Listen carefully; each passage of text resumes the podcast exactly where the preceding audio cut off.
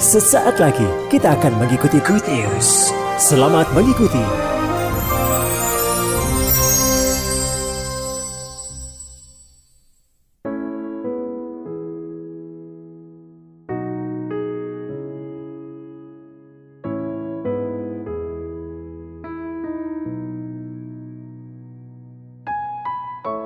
Ya, shalom semua saudara yang dikasih dalam Kristus Yesus Tuhan. Semuanya sehat, tetap semangat, tetap sukacita. Saudara yang dikasih dalam Kristus Yesus Tuhan, rasanya roh Tuhan itu sengaja untuk mendorong saya untuk berkata-kata demikian. Tahun demi tahun tantangan yang semakin berat itu akan kita hadapi. Namun tidak perlu tawar hati. Kita harus ingat akan kasih setia Tuhan. Sekali-kali dia tidak akan pernah meninggalkan kita sekalian.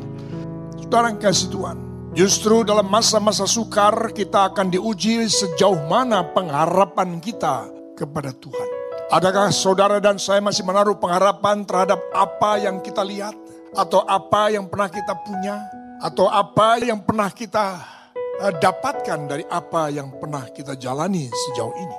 Sebab justru di masa-masa sukar ini, Tuhan sedang mendidik, sedang mengajar, sedang melatih untuk dipersiapkan kita umat Tuhan, gereja Tuhan untuk menjadi contoh, menjadi garam dan terang dunia. Karena kesukaran yang akan melanda kehidupan umat manusia di seluruh muka bumi. Dan rasanya saya harus terdorong kembali mengingatkan apa yang akan terjadi di hadapan kita. Inilah kesempatan kita untuk menikmati dekapan kasih Tuhan. Supaya kita menghadapi apa pun juga tidak gelisah, tidak khawatir, tidak takut. Dan tidak lagi bimbang. Apalagi bagi saudara yang pernah ditolong oleh Tuhan. Maka ke depan percayalah pertolongan Tuhan pasti sudah dia jamin. Saudara yang dikasih yang Kristus Yesus Tuhan. Sebagaimana apa yang telah telah ditulis dalam Wahyu pasal 3 ayat 10 dan saya harus ingatkan ini terus menerus agar semua kita menjadi umat Tuhan yang bangkit, yang bangun, yang siap menghadapi situasi yang paling sulit sekalipun. Sebab dia adalah Allah yang setia kalaupun dia dengan kesukaran-kesukaran yang terjadi dimaksudkan untuk menguji bahkan untuk menampi umat Tuhan. Namun dia pada sisi yang lain, dia adalah Allah yang bertanggung jawab. Dia adalah Allah yang sudah menyediakan kerajaan yang tidak tergoncangkan tinggal saudara dan saya mengambil langkah, mengambil keputusan untuk tinggal di dalam dia. Saudara yang dikasih Tuhan, karena penyertaan perlindungannya pun sudah dia jamin. Bagi siapa itu? Firmannya meneguhkan kita. Karena engkau menuruti firmanku. Adakah kita sejauh ini sudah menuruti firmannya? Kalau belum, baik-baiklah. Potensi energi kesempatan yang ada gunakan untuk menuruti firman-Nya. Jangan pernah lagi ditunda. Jangan lagi berdalih. Tapi inilah sesuatu keniscayaan yang harus kita jalani dalam hidup. Untuk kesiapan kita menghadapi goncangan. Tetapi pastikan saudara, goncangan boleh terjadi. Sudah tetap tinggal dalam kerajaan yang tidak tergoncangkan. Karena engkau menuruti firmanku, untuk tekun menantikan aku. Ini dua perkara tapi dijadikan satu kalimat. Dan memberikan dampak satu dengan yang lain. Kalau saudara memang tekun menantikan dia. Untuk terus menaruh pengharapan kepada dia. Dipastikan saudara adalah penurut-penurut Allah. Dan kalau saudara kenyataannya adalah menuruti firmannya, penurut-penurut Allah, Tuhan sudah memberikan jaminan bahwa saudara sedang bertekun menantikan dia. Sudah bertekun untuk menantikan penggenapan janji-janji Allah. Sehingga dengan demikian pengharapanmu kepada dia terbukti bahwa pengharapan kita di dalam dia tidak pernah mengecewakan. Saudara Tuhan tidak hanya sekedar berjanji, tapi dalam penggenapan janji selalu melibatkan saudara. Karena Tuhan sangat menghargai saudara. Amin. Seperti contoh firman Tuhan perkatakan Yakobus, datanglah dekat kepada Tuhan, maka Tuhan akan dekat kepadamu. Carilah Tuhan dengan segenap hatimu, dengan segenap jiwamu, dengan segenap kekuatanmu, maka engkau akan menemukan aku. Amin. Jadi jangan berpikir bahwa janji-janji Tuhan itu akan terjadi jatuh mak geledek. Tanpa ada satu keputusan yang harus sudah ambil. Tanpa ada sesuatu yang sudah harus lakukan sebagai syarat untuk apa yang dia janjikan itu patut, layak, pantas untuk diterima. Amin. Dan semuanya itu bisa kita kerjakan karena saudara telah diberikan modal rohnya yang luar biasa yang dia tempatkan di dalam kita. Tinggal kita melangkah berdasarkan kasih karunia Allah yang sudah diberikan kepada saya dan saudara. Dan perjalanan hidupmu yang terus berjalan dalam kebenaran. Segala sesuatu yang dirancangkan pasti akan terjadi. Untuk itu saudaraku yang dikasih Tuhan saya akan meneguhkan bahwa pengharapan itu adalah iman dan kesabaran. Artinya Yesus itu adalah pengharapan kita. Tapi tidak akan terjadi kalau sudah tidak jalan hidup dalam iman. Artinya harus ada syarat di mana saudara menjalani hidup ini dalam iman. Yang melangkah dan mata yang tertuju kepada dia. Yang menaruh harap hanya kepada dia. Dan saudara bukan hanya sekedar iman yang kau pakai menjadi dasar hidupmu yang baru. Tetapi engkau perlengkapi perjalanan hidupmu dengan pengertian-pengertian yang benar bahwa Allah yang berjanji adalah Allah yang ya dan amin. Dia tidak pernah lalai akan janjinya sehingga saudara akan mendapati diri saudara berjalan dalam kesabaran. Karena apa? Setiap janji Allah itu pasti digenapi. Ibrani pasal yang ke-6 ayat 11 dan 12. Tetapi kami ingin supaya kamu masing-masing menunjukkan kesungguhan yang sama Artinya bergantung tergantung penjenengan. Kalau penjenengan melangkah sama dengan Abraham karena di atasnya itu ada nama Abraham. Kesungguhan yang sama dengan Abraham. Maka semua janji itu pasti akan kita dapatkan. Tetapi kami ingin supaya kamu masing-masing menunjukkan kesungguhan yang sama untuk menjadikan pengharapanmu suatu milik yang pasti sampai pada akhirnya agar kamu jangan menjadi lamban. Cepat, kalau sudah disuruh cepat, jangan suka nunda, jangan suka beralasan, jangan suka berdalih. Dalihnya macam-macam, dan kadang-kadang dalih itu sangat masuk akal. Iya pak, istri sakit, masa saya tinggal. Iya pak, anak saya rewel, masa saya tinggal. Nanti kan saya jadi batu sandungan. Tuhan pernah menjawab kepada orang yang katanya mau ikut dia. Tapi izinkan ya guru, aku akan pamitan dulu sama keluarga aku. Sudah tahu jawabnya. Bahkan yang lebih keras lagi, izinkan aku akan menguburkan ayahku terlebih dahulu. Sudah tahu jawabnya. Saudaraku, di hadapan Tuhan, kalau saudara memberikan pengakuan dia nomor satu, dia adalah segala-galanya bagi kehidupanmu. Buktikan dalam keseharian kita. Amin. Saudara yang dikasih yang Kristus, Yesus Tuhan, dikatakan di sana jangan sampai kita kedapatan menjadi lamban tetapi menjadi penurut-penurut mereka yang oleh iman mereka sesuai dengan Abraham yang sudah menjadi contoh menjadi bapak iman bagi saudara dan saya dan kesabaran mendapat bagian dari dalam apa yang dijanjikan Allah. Mungkin iman sudah kita punya tapi masih belum punya stok untuk kesabarannya. ya ini perlu dibenahi kembali. Maka sudah ingat apa yang pernah saya sampaikan beberapa hari yang lalu.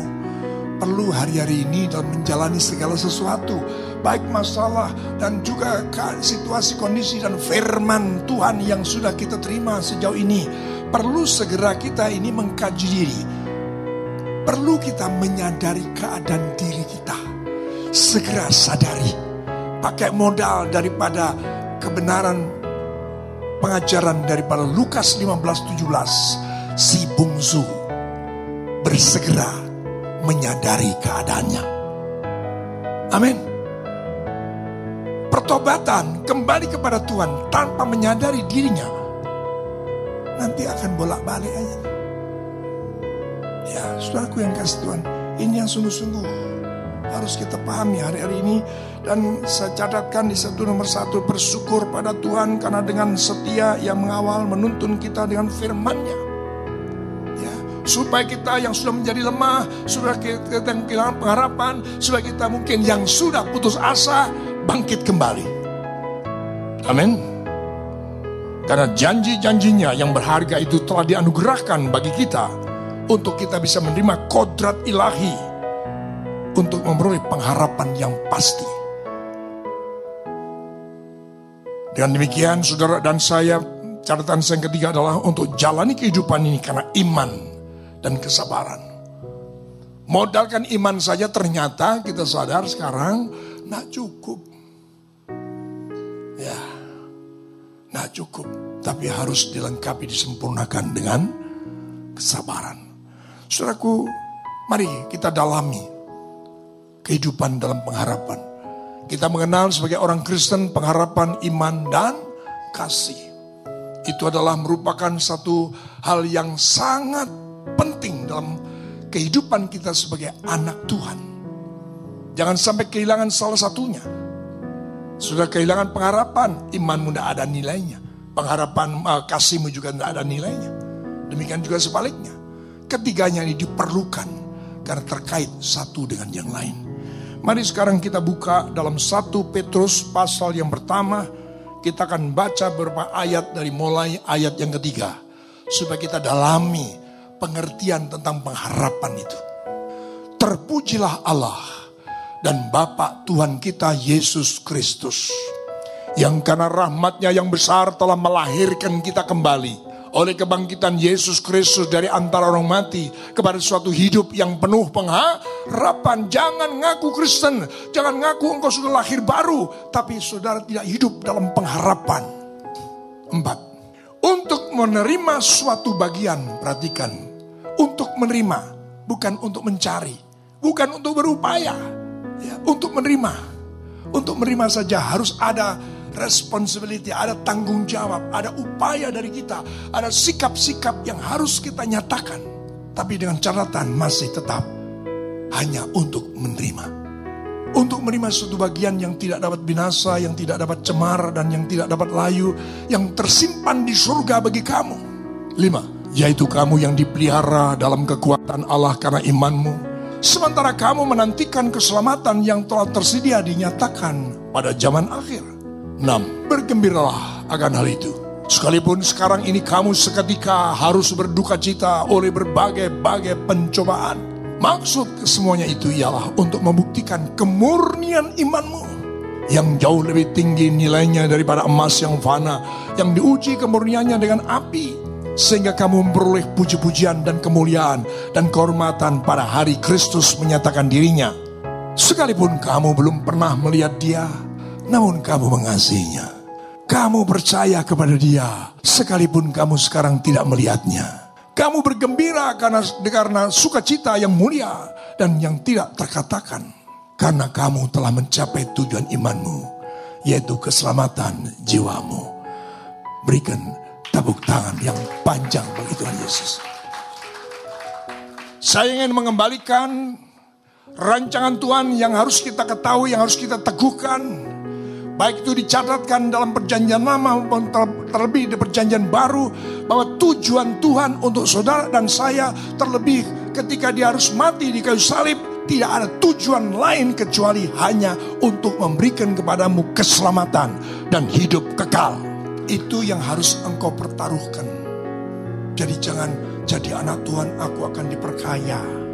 Jadi anak Tuhan aku akan menerima status yang paling bagus karena firman Tuhan, aku akan menjadikan kamu kepala bukan ekor. Bolak-balik kalau sudah khotbah, berkat itu ayat itu diangkat terus. Dengan pengertian yang sempit. Kalau toh Tuhan itu akan menjadikan saudara kepala dan tidak menjadi ekor, Tuhan bermaksud engkau jadi kepala untuk engkau hidupmu menjadi berkat bagi banyak orang. Ketika engkau harus datang ke gereja, banyak orang yang akan mengikuti engkau untuk juga datang.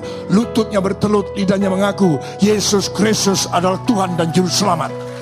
Jadi jangan kemudian dibelokkan untuk berkat kaya dan lain sebagainya. Jadi ini perlu dibenahi. Jadi saya dahului, saya awali dulu. Surat Petrus ini baik satu maupun dua. Itu sebenarnya sedang berbicara kepada saya dan saudara. Dia hambanya dipakai oleh Tuhan untuk kembali meneguhkan umatnya. Dan ternyata umat yang dimaksud dan dia sudah mulai mengakui bahwa yang dimaksud umat Tuhan itu bukan hanya Yahudi, bukan hanya Israel, tetapi adalah bangsa-bangsa yang sudah dipilih oleh dia. Sehingga dia pernah berkata, tetapi kamulah bangsa yang terpilih, imamat yang rajani, bangsa yang kudus, umat kepunyaan Allah sendiri. Mari kembali berikan tepuk tangan. Diteguhkan kembali saudaraku melalui surat-surat yang dibuat oleh Rasul Petrus ini bahwa sebenarnya kehidupan kita ini tujuan utamanya rencana mulia yang terutama yang dia buat, yang dia rancangkan, bahkan harus mengirimkan putra yang tunggal untuk harus mati di kayu salib hanya untuk menebus dosa, keselamatan dan hidup kekal. Amin. Pakai itu menjadi motivasi, pakai itu menjadi pendorong, pakai itu menjadi alasan mengapa aku hidup, mengapa aku melayani, mengapa aku diberkati. Karena saudara dan saya ditetapkan untuk menjadi saksi dan alatnya. Untuk menjadi berkat bagi banyak orang. Tujuan akhirnya adalah keselamatan dan hidup kekal. Jangan sampai hilang itu. Selengkapnya begini saudaraku. Yaitu surat ini kembali mengingatkan, meneguhkan kepada kita sekalian tentang rencana Tuhan. Yaitu tentang Tuhan menyediakan kepada umat manusia hidup yang kekal. Boleh tepuk tangan lagi bagi Tuhan. Yang kedua, saudaraku, bahwa hidup ini harus dijalani dengan hidup penuh pengharapan. Pengharapan apa? Untuk terima mahkota kehidupan, untuk terima mahkota kemuliaan yang sudah disediakan bagi saudara dan saya. Amin. Yang ketiga, saudaraku, ternyata dalam tulisan yang dibuat dan ditulis oleh Rasul Petrus ini juga meneguhkan betapa pentingnya iman sebagai anak Tuhan untuk hidup dipakai menjadi dasar kehidupan. Karena justru saudara, ketika sudah menjalani kehidupan dengan iman, engkau dipastikan dijamin oleh yang baru dari Allah. Ya, coba dibuka lagi 1 Petrus 1 ayat 3, 4, 5 kalau tidak salah. 5, yaitu kamu yang dipelihara dalam kekuatan Allah. Karena apa? Aduh. Jadi kalau nggak ada iman ya, ya Ya kekuatan Tuhan ya cuma gini. Seperti saudara menyediakan untuk saya tuh ini. Ya. Saya minum, saya akan merasakan segar dan sebagainya. Kalau saya ambil dan saya minum. Ya. Tuhan menyediakan kekuatan. Hmm. Tapi nah kita pakai. Karena saudara tidak menaruh harap pada dia. Dan saudara menjalani kehidupan tanpa iman. Jelas kehidupanmu, kehidupan yang tidak berkenan kepada Tuhan. Amin. Pasti ingat. Ibrani 11 6. Tetapi tanpa iman tidak mungkin orang berkenan kepada Allah. Luar biasa. Saudara yang dikasih Tuhan. Itu yang ketiga, saudaraku, pentingnya hidup dalam iman. Sehingga saya nanti akan jelaskan bahwa kalaupun ada persoalan, tidak ada persoalan, tapi saudara jalani hidup tanpa iman, ya akhirnya seperti katakan ada air di bak. Saudara tak sadar bahwa apa namanya ada yang bocor dan lambat atau cepat air itu akan hilang. Ya. Yang keempat bahwa Rasul Paulus mengingatkan sebagai orang Kristen, sebagai umat manusia, khususnya orang Kristen, harus siap menghadapi penderitaan. Harus siap, mau tidak mau. Kalau memang tidak mau menderita, ya beritahukan sama malaikat. Saudara yang kasih Tuhan, jadi kita akan mengerti maksud adanya penderitaan dalam hidup ini. Ya, bagi saudara dan saya beribadah kepada Tuhan. Terus yang ke kelima mengajarkan, menyadarkan kepada kita sekalian tentang munculnya kasih yang ternyata ada loh. Aku bisa loh sebenarnya mengasihi Tuhan. Tadi kan dituliskan tuh, coba ditelusuri dalam satu Petrus 3 ayat berikutnya setelah 6, 7. di mana kita tidak melihat dia tapi mengasihi dia. Ya, luar biasa. Itu pekerjaan siapa itu? Kan roh kudus yang bekerja. Ya, sekalipun kamu belum melihat dia namun kamu mengasihinya. Hebat loh saudara ini. Ini loh yang menjadi Tuhan itu bersuka cita terhadap setiap saudara. Berikan tepuk tangan. Haleluya. Pelihara itu dari awalnya saudara sudah menjadi percaya sekalipun tidak melihat. Ya ada pujian yang pernah dipopulerkan oleh waktu kunjungan gereja Abalaf ke Malang. Saya ingat itu di Hotel Kartika. Ya, ketika berapa tahun yang lalu. Meskipun tak kulihat tangan. Iling orang aku, aku kasih nyanyi. Rek. Ini aku ngomong nyanyi ini terus nong. ya, meskipun tidak melihat tangan yang apa? Yang terpaku. Meskipun tidak melihat mahkota duri. Meskipun tidak melihat apa lagi? Lambung yang tertikam. Terus? Meskipun tak kulihat kuburnya yang kosong. Namun ku percaya Yesus penebusku. Itu ya. Waduh luar biasa. Itu ketika saudara mengambil langkah untuk percaya, mengambil langkah untuk mengasihi dia. Wow, sukacita Tuhan luar biasa. Jalani hidup dengan cara itu. Sekalipun belum melihat, tapi engkau percaya. Sekalipun kau belum lihat, tetapi engkau mengasihi. Sekalipun suamimu belum bertobat, engkau tetap mengasihi dia.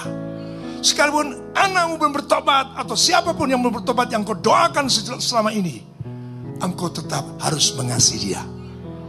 Itu yang menyukakan hati Tuhan. Yang sungguh percaya akan firman Tuhan ini berikan kembali tepuk tangan bagi Tuhan Yesus. Saudaraku, yang berikutnya, yang keenam, yang terakhir, isi daripada surat itu sama si isinya, garis besarnya. Belum saya urang nanti. Ya, enggak tahu Cukup tiga jam, berapa jam nanti ya. Yang keenam adalah diingatkan di sana. Bahwa saudara mengalami semua, semua, semua A, B, C, D, E, E, ya, F itu harus digenapi. Apa itu? Saudara sudah ditetapkan untuk menjadi berkat bagi banyak orang. Ojo lali kui. Jangan kau pakai alasan aku sedang ada masalah bro. Ya, ngomongnya sudah bro, sudah modern tapi hatinya belum modern. Masih dikuasai oleh kikir, pelit. Ya. Saudara yang dikasih, sekalipun sedang ada masalah, tetap itu harus dijalankan. Saya ambil contoh, coba buka dalam 1 Petrus 4 ayat yang ketujuh. Kesudahan segala sesuatu sudah dekat. Karena itu kuasailah dirimu dan jadilah tenang. Supaya kamu dapat berdoa. 8 tetapi yang terutama, kasihlah sungguh-sungguh seorang akan yang lain. Sebab kasih menutupi banyak sekali dosa. Sembilan, berilah tumpangan seorang akan yang lain dengan tidak bersungut-sungut.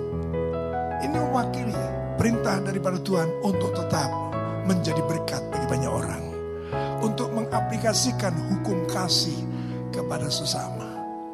Saudara yang dikasih dalam Kristus, Yesus Tuhan, Mari kita sekarang telusuri saudaraku, saya tambah-tambahkan apa yang sudah saya sampaikan di sana tadi. Bahwa hidup ini sebenarnya adalah sudah dalam rencana Tuhan.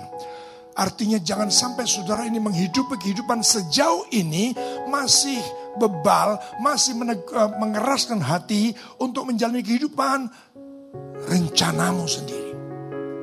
Kita bolak-balik mendengar dari banyak hamba Tuhan tentu. Apa yang disampaikan dalam Yeremia 29 ayat 11. Apa yang disampaikan dalam Yesaya 55 ayat 8. Coba dibuka saja. Yeremia 29 ayat 11. Sebab aku ini mengetahui rancangan-rancangan apa yang ada padaku mengenai kamu. Demikianlah firman Tuhan yaitu rancangan damai sejahtera dan bukan rancangan kecelakaan untuk memberikan kepadamu hari depan yang penuh harapan. Masa masih mau nekat untuk menjalani kehidupan Mungkin saudara tidak punya plan, tidak punya rancangan dalam kehidupan. Karena prinsip saudara yang saudara pakai adalah hidup ini seperti air yang mengalir saja. Ya, susah besok dibiarkan besok, susah hari ini dibikin hari ini. Ada jalani aja, tidak ada plan sama sekali. Itu jelas salah. Karena Tuhan sudah mengajarkan dari mulanya rencana, rancangan. Apalagi ketika saudara kembali membaca dari Yesaya 55 ayat 8. Jelas sekali perbedaannya. Maksud saya akan saya mengatakan, ojo mbok terus ke, ojo nekat, ojo nda, ndablek. Sebab rancanganku bukanlah rancanganmu. Dan jalanmu bukanlah jalanku. Demikianlah firman Tuhan. Lanjut. Sembilan. Seperti tingginya langit dari bumi, demikianlah tingginya jalanku dan jalan dari jalanmu. Dan rancanganku daripada rancangan. Bedanya jauh. Kadang-kadang kita ini memperlengkapi atau menjalani hidup dengan hidup ini dengan filosofi yang sederhana. Enggak masalah. Tapi harus dalam rancangan Tuhan.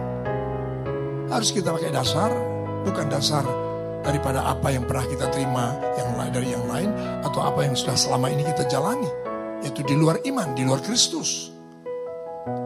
Sudah mengambil langkah jalan yang sederhana. Saya ini tidak punya rancangan apa-apa. Loh, masa sekarang umur berapa? 36. Masa tidak ada rancangan mau segera menikah gitu? Ya kalau memang Tuhan beri ya saya menikah. Kalau enggak ya enggak apa-apa.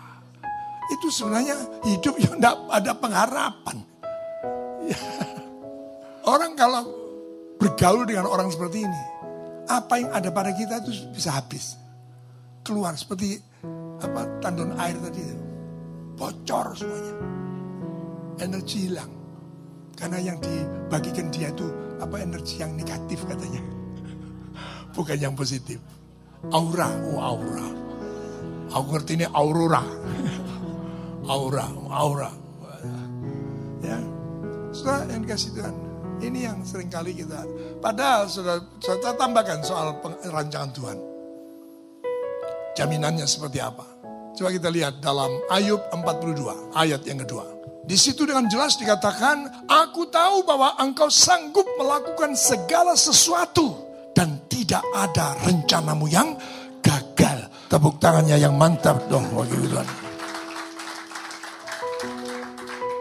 Masa kita akan jalan hidup sesukar apa pun di depan kita, sepaya apa pun, se seberat apa pun perjalanan yang sedang kita alami dan yang akan kita alami.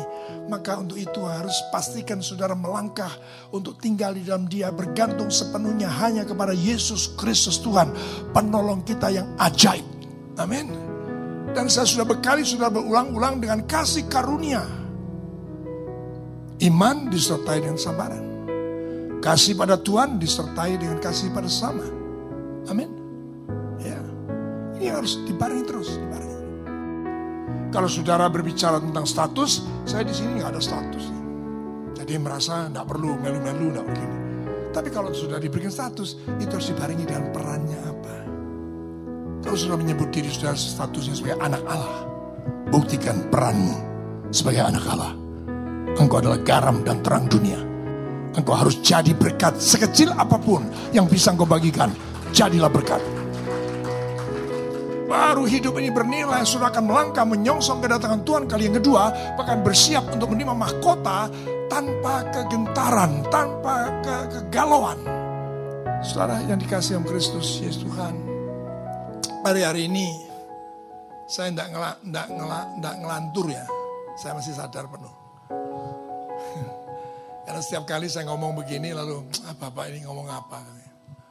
Ya, hari-hari ini dengan adanya proyek ini, adanya pengembalaan dan sebagainya, saya seperti diburu-buru untuk melakukan segera ini segera. Karena apa? Saya ukur itu bisa dikerjakan dan itu bisa dilakukan. Ukurannya begitu. Dan kalau memang tidak bisa, toh kita punya Allah yang telah memberikan kepada saya, memberikan juga kepada saudara kasih karunia. Kalau saudara tidak punya, tidak ada kekuatan, ya datang kepada dia, minta kekuatan dan berseru, berdoa kepada dia, minta kepada dia, maka dia akan memberi kepada kita. Amin. Sehingga ini selalu saya tambahkan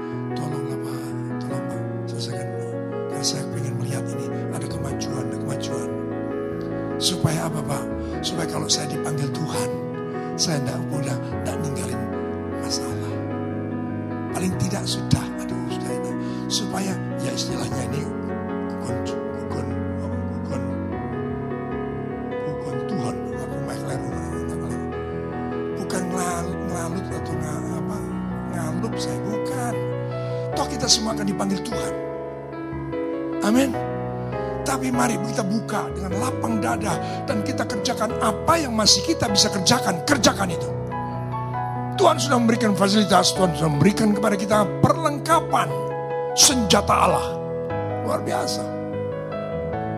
Ya jangan tunda-tunda lah. Jangan suka berdalih. Sekalipun masalah selalu datang pada kita. Ya, bisa jadi. Ya, tahu-tahu sudah motor sudah di starter. Dung, Masa gara-gara kembos terus nggak jadi berangkat. Itu yang saya maksud.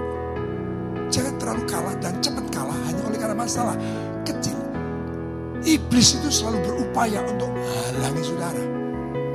Karena ketika dia datang, eh, ketika saudara datang ke tempat ini, memuji-muji Tuhan dan lain sebagainya, semua iblis lari di tempat ini. Berikan tepuk tangan, haleluya. Dia selalu menghalangi, jangan sampai. Sehingga Rasul Paulus mengatakan dalam 2 Korintus 10 ayat 3 yang selalu saya pakai untuk berdoa. Ya, kita memang masih manusia yang hidup di dunia ini. Tetapi kami tidak berjuang secara duniawi. Empat, karena senjata kami yang diperjuangan bukanlah senjata duniawi, melainkan senjata yang diperlengkapi dengan kuasa Allah yang sanggup meruntuhkan benteng-benteng.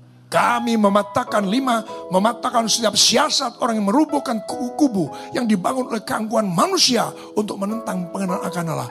Alasan-alasan dalih-dalih itu adalah alasan yang dibuat oleh iblis yang dibagikan kepada manusia. Jangan, jangan. Saudara kemarin juga saya singgung, belum saya dalami lebih jauh. Saudara dan saya harus pertama-tama harus berani mengambil keputusan untuk menghadapi musuh yang sedang mengambil kekuatan yang ada pada saudara. Seperti satu ayat mengatakan, tetapi kamulah bangsa yang terpilih, imamat yang rejani, bangsa yang kudus. Iblis misi, tutuk kowe kui, kaelo, tonggomu, tutuk kowe kui, kui liane. Terus didakwa begitu. Akhirnya, oh iya. Jadi pasif, jadi lambat. Males. Males itu bahasa Jermannya megah.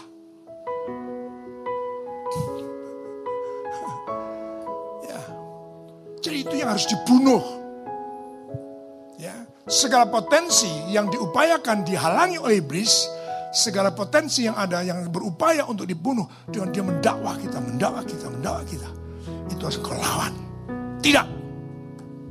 Aku anak Tuhan. Tuhan yang memberi aku kuasa. Amin. Boleh dong. Tepuk tangan bagi Tuhan Yesus. Jadi saudaraku yang dikasih Tuhan, dengan demikian kalau kita hidup pastikan hidup dalam rancangan Tuhan. Saya pastikan pada giliran berikutnya saudara akan tetap hidup dalam pengharapan. Saya awal-awal bertobat, saya ditanya sama teman-teman dari organisasi lama. Bung, kami semua ini tahu siapa Bung. Saya bertanya sederhana, apa sih yang kamu dapat? Sehingga kamu tinggalkan iman yang lama untuk menerima iman yang baru. Saya tidak jawab begini.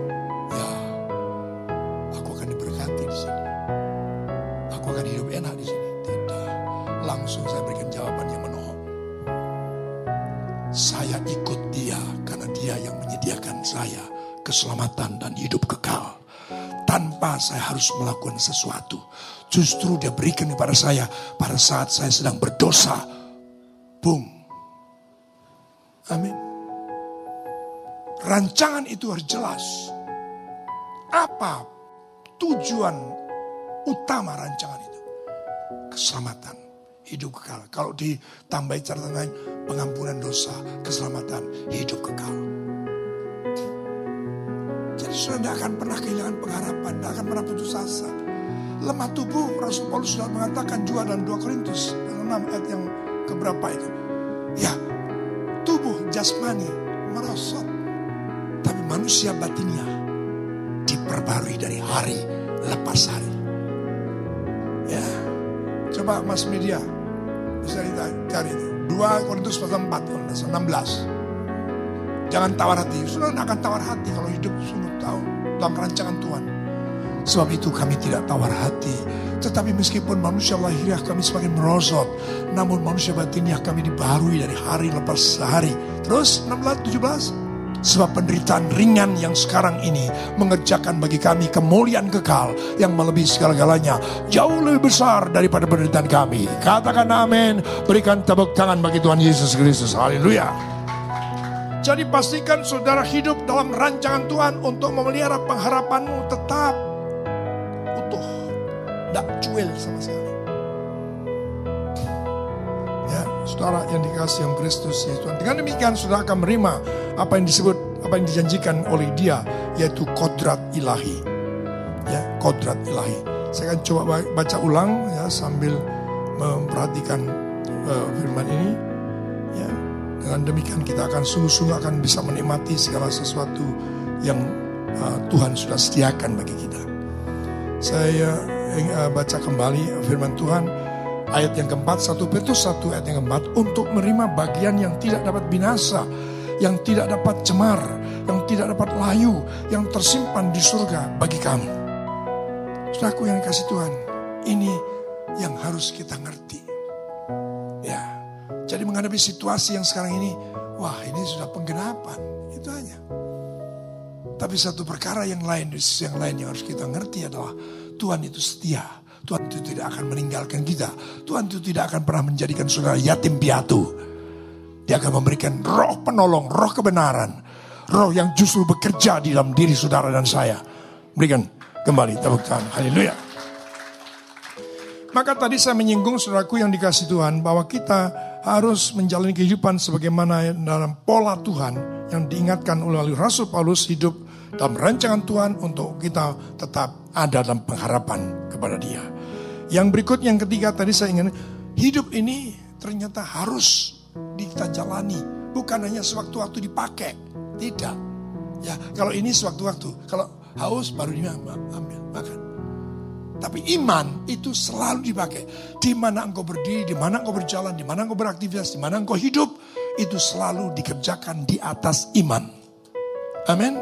Karena tanpa iman, firman Tuhan tadi sudah jelas mengatakan pada ayat yang kelima, tetapi kamu dipelihara dalam kekuatan Allah karena imanmu. Tuhan menyediakan. Tadi jelas di sini, bagaimana imanmu. Demikian juga kekuatan yang akan diberikan. Itu sepadan. Semakin kuat teguh imanmu, kekuatan Tuhan pun kuat melingkupi setiap kita.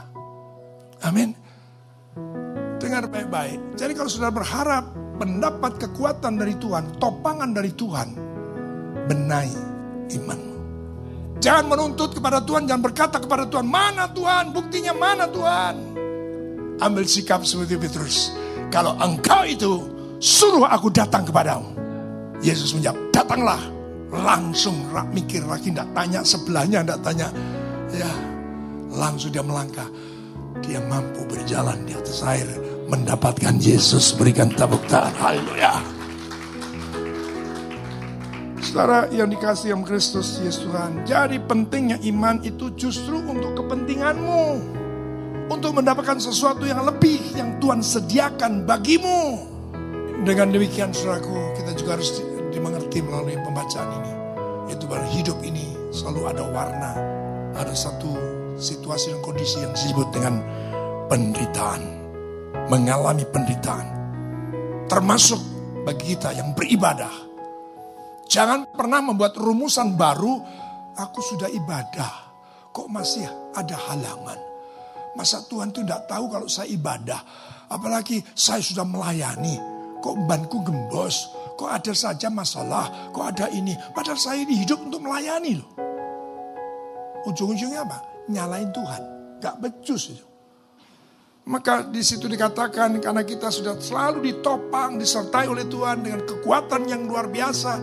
Bahkan apa yang diberikan oleh Tuhan selalu lebih daripada apa yang mampu kita pikirkan, lebih daripada apa yang mampu kita doakan. Itu Tuhan menyediakan lebih dari apa yang kita butuhkan yang percaya beri tepuk tangan. Untuk itu ayat 6-nya tadi mengatakan bergembiralah karena hal itu. Sekalipun sekarang kamu seketika, hanya seketika kok. Harus berduka cita oleh berbagai-bagai pencobaan.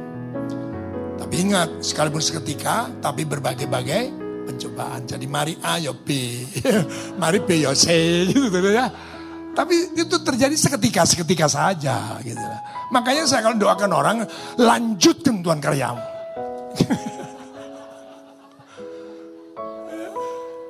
saya mendoakan itu ada apa topangan kebenarannya. Percuma kita minta angkat Tuhan beban, angkat. Pak, tolong Pak saya didoakan Pak supaya Tuhan mengangkat beban. Lu sing masangi beban Tuhan kok aku mau ngangkat. ya, itu terjadi kalau waktu itu ada apa? altar call gitu. Tapi saya doanya Tuhan lanjutkan karyamu. Kaget. Ya. Ternyata begitu dia mau menerima, oh, ternyata ya, akhirnya dia, oh iya Pak, enak juga ya Pak ternyata. Amin. Ya. Saudaraku yang dikasih Tuhan, maka sudah akan beroleh kekuatan. Ya. Karena penderitaan demi penderitaan itu dimaksudkan hanya menguji. Karena ayat 7 mengatakan, maksud dari semuanya itu ialah membuktikan kemurnian imanmu. Saudara perlu bersumpah, sumprit, sumpah, aku mengandalkan engkau Tuhan. Tidak perlu, jalani dan buktikan saja apa imanmu. Amin. Ya. Jadi maksud dari semuanya itu adalah membuktikan kemuliaan imanmu yang jauh lebih tinggi nilainya daripada emas yang fana. Yang diuji kemurniannya dengan api sehingga kamu memperoleh puji-pujian dan kemuliaan dan kehormatan. Pada hari Yesus Kristus menyatakan dirinya. Saya berikan perhatian pada puji-pujian. Jangan berharap puji-pujian hari ini. Halo, eh saudara hamba-hamba Tuhan, pelayan-pelayan Tuhan, staf gembala, Siapa pun saudara yang termasuk mengikuti online. Jangan kau harapkan puji-pujian hari ini. Nantikan puji-pujian yang datang dari Allah sendiri. Berikan tepuk tangan. Ya. Maka saudaraku yang terakhir adalah dua terakhir ya. Yaitu kita ternyata diangkat oleh Tuhan. Karena saudara adalah orang-orang yang mengasihi Tuhan tanpa melihat. Sekalipun kamu belum melihat, belum pernah melihat dia, namun kamu kamu mengasihi dia. Kamu percaya kepada dia, sekalipun kamu sekarang tidak melihatnya. Luar biasa. Ya, luar biasa. Artinya saudara sudah pernah bisa melakukan itu, itu diingatkan. Ke depan lakonono meneh. Ya, jalani lagi. Seperti ya kemarin itu gak sadar Pak saya. Saya hanya ikut-ikutan saja. Pertama boleh ikut-ikutan. Tapi sekarang sengaja engkau lakukan untuk Tuhan. Berikan. Dan saudaraku yang dikasih Tuhan yang sudah saya singgung tadi adalah kasih terus muncul secara uh, apa namanya, hebat, secara luar biasa yang bisa jadi tidak kusadari. Itu bagus. Tapi jangan menyatakan kasih karena sudah dipersiapkan. Itu termasuk kira-kira termasuk kalau pembunuhan direncanakan itu. Nanti kena pasal 340 sudah. Gitu. Kalau menyatakan kasih itu jangan direkayasa. Sudah. Kalau itu memang sudah manusiawi saudara, budaya baru saudara. Memang suka menolong orang, suka memberkati orang. Dan itu bukan sesuatu hal yang hebat. Itu hanya terjadi ketika saudara sudah lahir baru. Amin.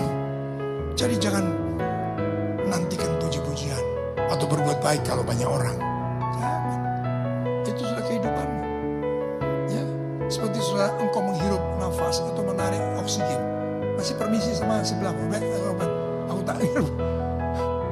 Aku tak menghirup oksigen. Sorry ya. Kamu jangan dulu, aku dulu ya. Tidak perlu itu otomatis begitu. Ya, sudah otomatis. Ya, itu kira-kira maksudnya. Dan terakhir adalah tetaplah jadi selama kita hidup di dunia Tuhan mengendaki puncak daripada tujuan hidup kita selama kita hidup di dunia